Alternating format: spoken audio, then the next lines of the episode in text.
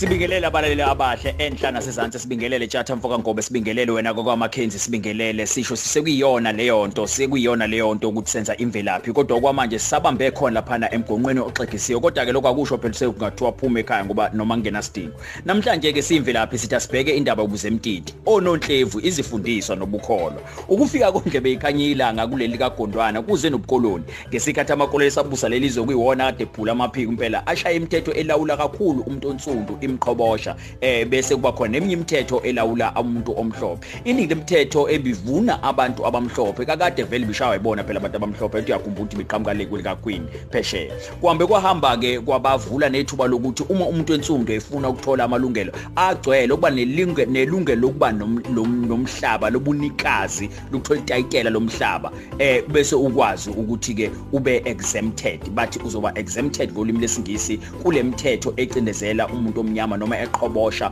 umuntu omnyama noma encisha umuntu omnyama amalungelo omhlaba amalungelo okuhamba kwezinye izindawo. Kugcine sekuthiwa hayi bazoba exempted. Ngenxa yokuthi ke laba ke abe bebizwa ukuthi bangamaqaba bebengasazi isingisi bagcine sebethi baphendula igama lesingisi elithi exempted base bethi bona exempted bagcine sebebiza ke bonke laba bantu aba exempted bababizwa ukuthi bangamazemtidi. Baphinda babaqamba ukuthi onontlevu baphinda bababiza ngamakholwa oba vele bekhambisana nokuthi fanele ube yikholwa ukuze ube exempted bekufanele ufane ufunde ukuze ube exempted bekufanele uphenduke ungavunuli ukuze ube exempted. Ubuzemtidi ke bekusho konke kufanele ngisho isilungu usikhiphe ngamakhala futhi ube senkolweni yobuKristu ngaleso sikhathi. Umbhalo sibusiso nyembezi okubungazwa eminyaka abakhona kulonyaka impela uyichaza kangcono le ndaba laphana endabeni yakhe. Yenkinsela yasemgungundlovu ekhuluma ngosisinde benkulu isquire esibukela phansi abantu bakuba bamnyama abanye babo ke baze baguqula izibongo bazibiza ngesibongo esithi zibe sasilungu noma zibe sasibhunu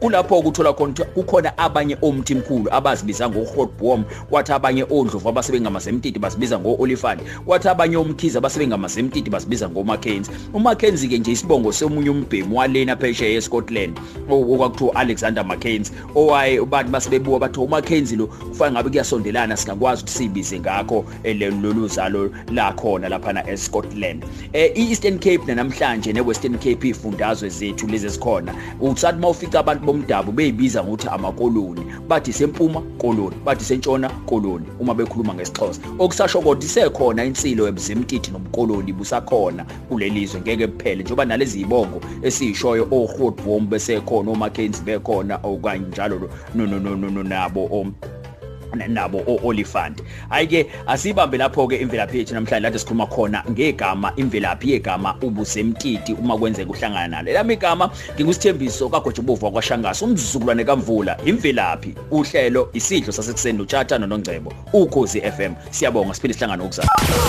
uma ufuna ukulalela ama podcast ethu uvakashela uwww.ukhozifm.co.za ukhozi FM luhamba phambili.